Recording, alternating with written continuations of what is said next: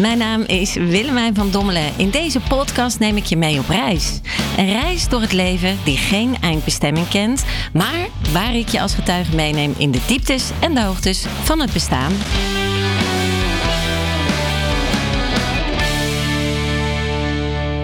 Hoi, fijn dat je alweer luistert. Ik ga meteen uh, met de deur in huis vallen. De vorige aflevering was nogal, uh, ja, ja, hoe ga ik dat zeggen? Beetje confronterend misschien, beetje ambetant. Uh, ik ben er ook niet per definitie om alleen maar gezellig en leuk te doen. Alhoewel uh, sommige mensen in het leven dat het liefste zouden willen. Maar ik ben ook hard vanuit het hart, zeg ik altijd. Dus wat confronterend. De vorige podcast, als je die niet geluisterd hebt, ging eigenlijk over de magie van het leven en ook over ja, de manifestatie die in je eigen handen ligt om in het leven te staan. Ben jij vandaag de dag gelukkig of ben je ongelukkig? En uh, ja, eigenlijk was, was de essentie van de boodschap: als je niet gelukkig bent, dan heb je uh, zelf verantwoordelijkheid daarvoor. En uh, veel mensen zullen het daar niet mee eens zijn. Uh, ik had het hier net in de studio er ook even over. Dat heel veel mensen eigenlijk ja, dan zeggen: ja, wat een onzin. En dat is helemaal niet waar, want het is echt wel door wat mij overkomen is in mijn leven. En et cetera, et cetera. Nou, als je mij kent intussen, dan weet je dat ik geen florisant parcours achter de rug heb. Zeer zeker verrijkend, maar het was wel heel zwaar. En vanuit die zwaartekracht heb ik daadwerkelijk ook met het vallen naar beneden van de zwaartekracht diep, diep, diep down the rabbit hole naar het zwarte, zwarte, zwarte, donkere gat, zeg maar, waar ik naar beneden viel door die zwaartekracht, heb ik door mijn levenskracht wel weer, ja, het licht kunnen vinden. Ben ik eruit gekropen. En het was wel kruip hoor. Het was niet ik vlieg er even uit. Want uh, uh, zo gaat dat niet. Ook al zijn de farmaceutische industrieën dol op de Haribo snoepjes zoals ik ze noem. Antidepressiva. En ze plop plop slipt, slikt iedereen zich helemaal lens. Dan nog um, heb ik na veelvuldige antidepressiva te hebben gebruikt echt moeten kruipen uit de diepdal. Want uh, die pilletjes, die kunnen je misschien wel even mysterieuze vleugeltjes geven, maar die lossen de bron niet op. En de bron, tada, de bron ben jij. Jij bent, jij bent de essentie die kan creëren, kan manifesteren, kan leren. Of dus uh, ja, weer in elkaar valt en, en down the rabbit hole gaat. En de vorige keer hadden we het daar ook al een beetje over. Van uh, oké, ja, maar als ik de regisseuse of de, de, de producent ben van mijn leven. Ja, hoe werkt dat dan? Hè? Hoe dan, Willemijn? Hoe dan? En ik heb gezegd, ik zal je daar een stukje in meenemen. Hoe ik dat stapje voor stapje heb mogen ervaren. En dat is een heel bijzonder parcours. Um, mijn boek komt ooit zeker nog wel uit, later als ik groot ben. Maar, uh, dus dan kan je het allemaal in detail lezen. Maar ik neem je even in, in bepaalde hoofdlijnen mee. Als je hebt geluisterd naar de voorgaande podcast, dan weet je dat ik uit een zeer welstellende uh, gezinssituatie kwam financieel. Uh, het was leeg in die gezinsopstelling. Het was leeg aan, aan authenticiteit vooral. En, en het was um, gehandicapte liefdesvorm in, in onze familieopstelling. Maar er, wa er was wel heel veel materie, dus er was heel veel uh, financiële rijkdom. Maar natuurlijk, als je, als je leeft in, in een uh, materiewereld, ego-wereld, en daar is geen authenticiteit, er is geen puurheid van liefde, dan, dan blijft dat niet komen. En dan stopt die overvloed. Ik durf dat te zeggen. Iedereen in, in mijn familie uh, heeft zijn struggles gehad. Of heeft dat nog? Ik ga uh, daar niet in detail over. Maar heeft een issue met geld. En ik weet ook nog dat een van de eerste psychologen. die uh, toen ik depressief was, die ik sprak. die tekende dat helemaal uit op een bord. En die zei: Kijk, dit is de, de rode lijn in jullie levenslijn. in jullie familie. En dat is geld. Uh, ik wil daar graag mee beginnen over leren manifesteren. Want um, rijkdom, rijkdom geld en rijkdom. Dus ik kom uit die bevoorrechte positie. Wij waren rijk, maar we waren ook dom. En ik vind heel veel rijke mensen ontzettend dom. Maar echt ontzettend dom. Omdat die puur en alleen een vat aan het vullen zijn met materie, een onverzadigbaar vat met een gat aan de onderkant. En die vullen daar maar Rolexen en Ferraris en private jets. En pas op, ik vind materie ook leuk. Hè? Ik, heb, ik hou ook van mooie dingen. Maar uh, in de essentie weet ik wel dat ik ze niet nodig heb. En, en dat onverzadigbaar vat, dat rijkdom, dat dom zijn in rijk. Um, ik, ik denk dat ik daar heel veel mee bezig ben geweest. Ik heb geld altijd nagejaagd. En ik bleef maar altijd in tekorten zitten. Altijd in financiële distress. En ik weet ook dat mijn ex-man ooit tegen mij zei... Lieve schat, als er nou één ding is waar je nooit zorgen over hoeft te maken bij ons in dit huwelijk... is het wel geld.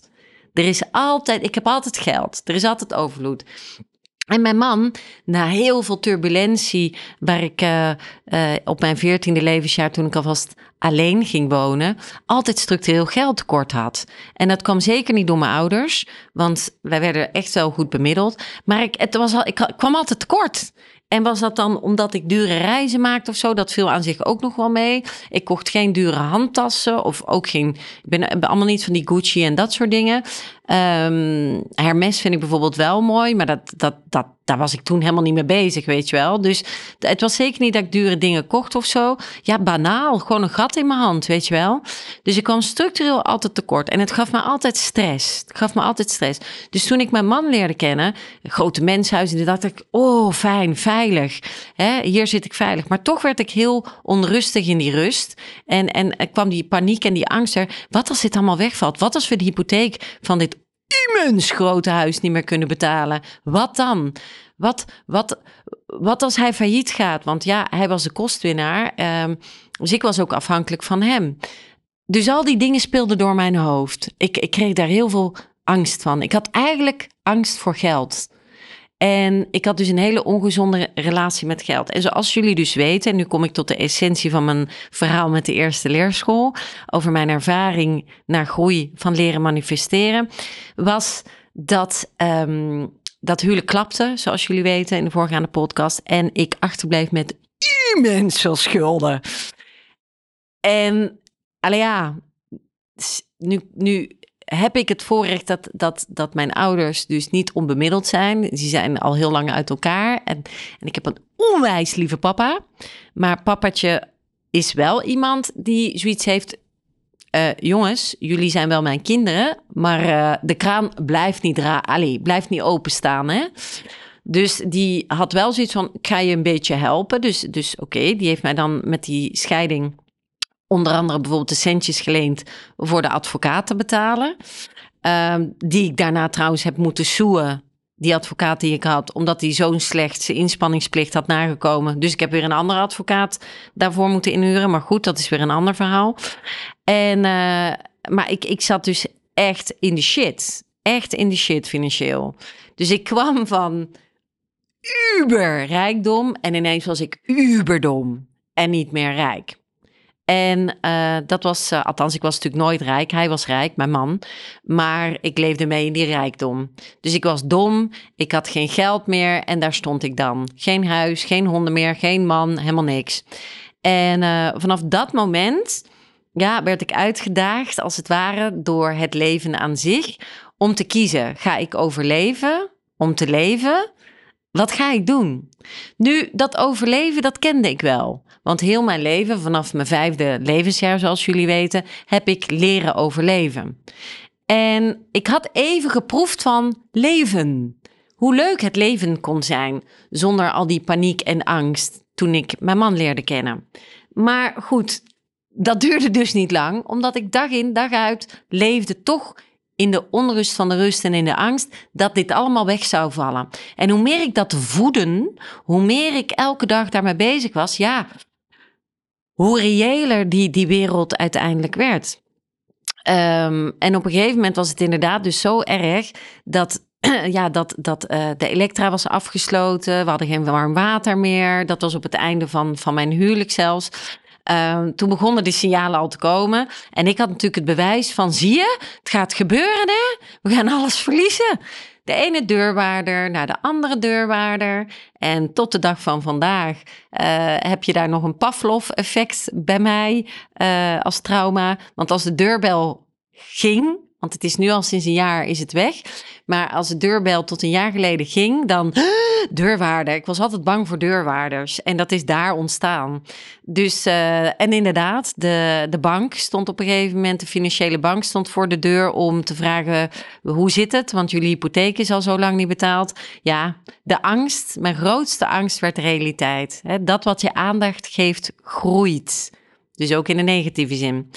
En vanaf het moment dat ik in die schulden zat, uh, werd ik uitgedaagd door het leven. En ik wist wel, ik wil overleven, maar alleen moet ik nu echt dit doen de rest van mijn leven nadat ik al uh, depressies heb gehad, uit het leven wilde stappen, dat overwonnen had, een, een eindelijk een fijne man had aangetrokken, uh, een fijn leven had, maar dan alle angst en paniek kwam weer en dat ik weer de put inging is dit, hè, dus echt zo, is dit nu mijn leven? Ups en downs, ups en downs. Nooit is een beetje lekker kabbelend water waar ik met mijn bootje in de zon kan liggen en gewoon kan dobberen. En niet altijd die hoge golven en, en, en die, die hele lage dalen. Um, ja, en toen dacht ik, en nu? Hoe dan? Nou, alle levenslessen, hoe dan? En toen was er iemand die op mijn pad kwam um, en die zei, ken je meditatie? En toen zei ik, ja, maar dat is voor de mensen die, ja, ik wilde zeggen bomen knuffelen, maar dat klinkt onrespectvol. Dat is voor de mensen die geitenboerenwolle sokken mensen. Dat is ook niet aardig dat ik dat zeg, maar we moeten toch een beetje typologeren. Ik zeg, en daar ben ik niet. Ik zeg, ik ga niet mediteren. Doe eens even normaal. Ik ga in actie. Ik ga in daadkracht. Ik ga dingen doen. Ik ga controle uitoefenen. Ik ga duwen. Ik ga trekken. Ik ga plannen maken. Ik ga financiële modellen creëren in Excel-sheets. En elke dag opnieuw weer tellen hoeveel centjes ik heb en wat ik nodig heb eh, qua boodschappen en eten en drinken. Um, heel erg van het rationele uit. Heel erg vanuit dat ego-stuk rationeel de situatie benaderen. En niet bomen knuffelen of emotioneel of um, uh, bidden of zo. Wat een onzin. Er moeten bewijzen zijn. Er moeten 1 en 1 is 2. Feitelijkheden zijn. En zo ga ik het doen. Nou, dan mag je één keer raden uh, of dat dat dan lukte. Ik kwam alleen maar meer in distress. En ik ging banken af voor leningen. En ik kreeg natuurlijk nergens lening. En ik, ik, ik kreeg centjes van, van dierbare vriendinnen en vrienden. Die, die mij geld hebben geschonken, die mij geld hebben geleend. Um, en dan ging het weer binnen no time. Was het weer weg. Want ik zat natuurlijk in schuldbemiddeling. Dus het was me nogal wat. Uh, en op het moment uh, dat, ik, dat ik dus echt zoiets had van, alleen moet ik nu echt gaan, in, ik ga toch niet mediteren? Nee, dat ga ik echt niet doen. Er zat zoveel weerstand op. Maar toen kwamen toch weer allemaal dingen zo op mijn pad over mediteren. Dus hmm. En ik, ik, ik, nah, ik duwde dat maar weg. En um, op een gegeven moment weet ik nog dat het uh, een, vriend, een vriend, een, ja, een vriend. En die zei tegen mij, um, goh Willemijn, ken jij transcendente meditatie? Ik heb het in een van de vorige afleveringen ook al uh, gezegd. Uh, en ik zeg transcendente meditatie. Amai, dat klinkt vaag. En dat klinkt ook vooral heel hippie-dippie, iets raars. Maar transcendente meditatie, nee, ken ik niet. En die vertelt mij ah ja, er is een hype in Amerika en Oprah Winfrey en Jennifer Aniston en weet ik veel, noem ze allemaal maar op, die, die dat deden. Maar ook David Lynch, een hele bekende uh, producer van uh, grote Hollywoodfilms. En toen dacht ik, ja, als die het allemaal doen, dan moet er misschien toch wel, want ja, wat verdien je ermee? Hè? Het is geen celebrity marketing dat ze zeggen van, oh, ik drink deze thee of ik drink, uh, ik gebruik deze shampoo because I'm worth it. En ze verdienen er zelf gewoon veel geld mee, die celebrities. Dus wat hebben zij eraan om ambassadeur te zijn van transcendente meditatie? ja, en vermoedelijk dan wel misschien iets betaald te krijgen, maar ja, echt niet veel. En, en ze getuigen ook hè, daarover, over hoe fijn het is en hoeveel vruchten ze ervan plukken. Dus ik dacht, ja, misschien dan toch maar eens. Dus ik ben me daar wat in gaan verdiepen. En ik weet nog dat ik met uh, Vava, een van mijn beste vriendinnen, zat ik daar in die infoavond van Transcendente Meditatie, midden in de schulden, midden in de depressie, midden in ellende. En uh, ik zit daar en ik, ik hoor die uitleg en ja, bepaalde dingen dacht ik van, wow, ja, weet ik niet helemaal, maar andere uitleg in dat hele verhaal sprak mij enorm aan. En elke cel in mijn lichaam zei, mijn, dit moet je doen. Dit is de shit. Jij moet dit doen. Je moet niks in het leven, maar ik voelde in elke cel, dit moet ik doen. En ik heb meteen gezegd, waar kan ik tekenen? Maar ik dacht bij mezelf, hoe dan? Hoe ga ik dat betalen? Ik geloof dat het iets van voor de hele cursus, om het dan te leren en zo, uh, eh, 800 of zoiets, of 1000 euro, ik weet het dan niet meer. Maar ja, elke euro was, was te veel. Dus eh, weet je, uh, ik, ik, ik, ik had ook nog geen huis, ik had helemaal niks. Ik sliep dan weer bij die en dan weer bij die en dan weer bij die. En dan bij mijn favoriete pannenkoek, mijn favoriete klootzak, daar ik af en toe op de bank lag of in bed. Dus ik had ook ik had niks. Dus hoe dan? Maar goed, ik heb me ingeschreven en ik heb het in een van de voorgaande podcasts ook al verteld. Ik ben daar dus uh, um, toen eigenlijk aangekomen bij TM, Transcendente Meditatie, op dat weekend om het te leren met een schoot, uh, niet een schoteltje of ja, een bakje van glas van mijn oma. Met allemaal muntstukjes erin. Die was ik overal gaan zoeken in huis. En, en dat heb ik de vorige keer ook verteld. En um, allemaal losse muntstukken. En dat was natuurlijk niet genoeg om de hele, het hele traject te betalen. Maar ja, TM was ook heel inschikkelijk dat ik het in, af, in termijnen mocht doen.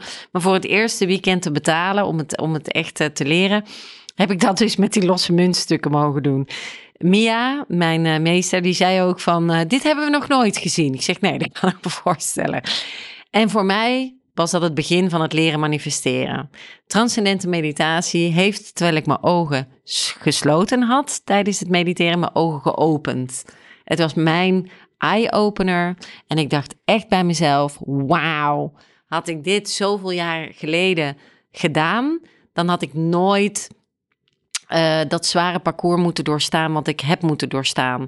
Dus met andere woorden, dan had ik me niet moeten laten opnemen in een uh, psychotherapeutisch centrum. Dan had ik niet al die, die, die diepe dalen moeten trotseren.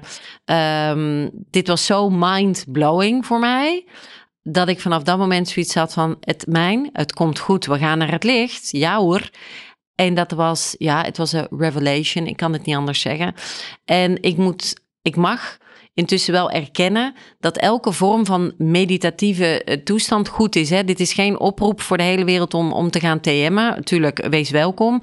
Maar uh, als jij, uh, I don't know, als jij andere vormen van mediteren leert of doet, is ook goed. Hè? Elke vorm van mediteren is goed. Een, een, een bodyscan die je op YouTube intikt en begeleidende meditatie die jij gaat doen elke dag. Weet je, prima. Uh, het is allemaal goed, zolang je het maar doet. Ben ik weer met rijmen en dichten. Dus um, NTM op dat moment heb ik dus heel, heel, ook heel gedisciplineerd gedaan. En toen langzaamaan um, kwam er, kwam er ruimte, kwam, kwam er zuurstof in mijn hoofd, zal ik maar zeggen. En in die ruimte, terwijl ik aan mediteren was, um, kwamen er antwoorden. Dus heel vaak uh, ging ik mediteren en voordat ik ging mediteren uh, had ik dan een vraagstelling. Dus bijvoorbeeld um, toen ik op een gegeven moment wel een huis mocht, uh, mocht huren. Uh, en en uh, mijn man, mijn ex-man, uh, dat voor mij betaalde gelukkig. Dat moest hij ook bij wet. Ik denk niet dat hij het echt graag vanuit zijn hart wilde doen. Hij was een beetje kijkenboos, maar bon, hij heeft het maar gedaan. Maar daarna, ja, moest ik zelf gaan betalen. Dus ik wist natuurlijk van, het komt dichterbij. Hij gaat daar niet meer betalen. Ik wil hier dolgraag blijven huren in dit huis. Dus hoe ga ik dat betalen? Hoe ga ik dat doen? Want ik, ik, ik, zit in schuldbemiddeling, dus hoe ga ik dat doen? En dan ging ik mediteren en dan kwamen de antwoorden. En nu ben jij natuurlijk benieuwd naar wat was dan in dit voorbeeld bijvoorbeeld het antwoord? Hoe ging ik mijn huur betalen van het huurhuis waar ik woonde? Ja, dat ga ik je vertellen, maar dat is wel alweer voor een volgende keer. Dat is voor de volgende podcast. En daarin ga ik je leren hoe ik heb kunnen manifesteren om niet alleen dat huurhuis um, moeiteloos te kunnen betalen elke maand qua huur, maar dat ik het zelfs magisch want dit is echt een wonder geschieden verhaal, dat ik het zelfs zonder baan, zonder, een, een, een allez, zonder job dus, hè, dus zonder een, een, een contract van een werkgever, um, zonder dat ik een partner had, want ik was alleenstaand, um, zonder een vast inkomen dus, heb ik dat huis uiteindelijk mijn droomhuis, want dat is het wel, mijn slagroomkasteel noem ik het altijd. Het is een mooi wit huis en het is voor mij een kasteel en ik ben dol op slagroom. Dus daarom heet het het slagroomkasteel. Het ziet er niet uit als een kasteel, maar het is voor mij het summum. Ik zou nergens anders willen wonen. Het is het mooiste, fijnste, veiligste, liefdevolste huis wherever in the world. En ik heb zelfs kunnen leren om te manifesteren dat ik mijzelf nu, een beetje samen met de bank, eigenaar mag noemen van dat huis. Ik heb dat huis, ondanks dat ik dus geen inkomen had, kunnen kopen. Ja, dit moet jou wel triggeren of niet? Dus heel graag Kom luisteren volgende week of de volgende keer of nu meteen als de uh, aflevering al live staat. En, en klik meteen door en luister hoe ik dat heb kunnen doen. Want dat is echt een fantastisch verhaal. Meanwhile, stay wicked, wild and sweet en carpe fucking diem. Ciao.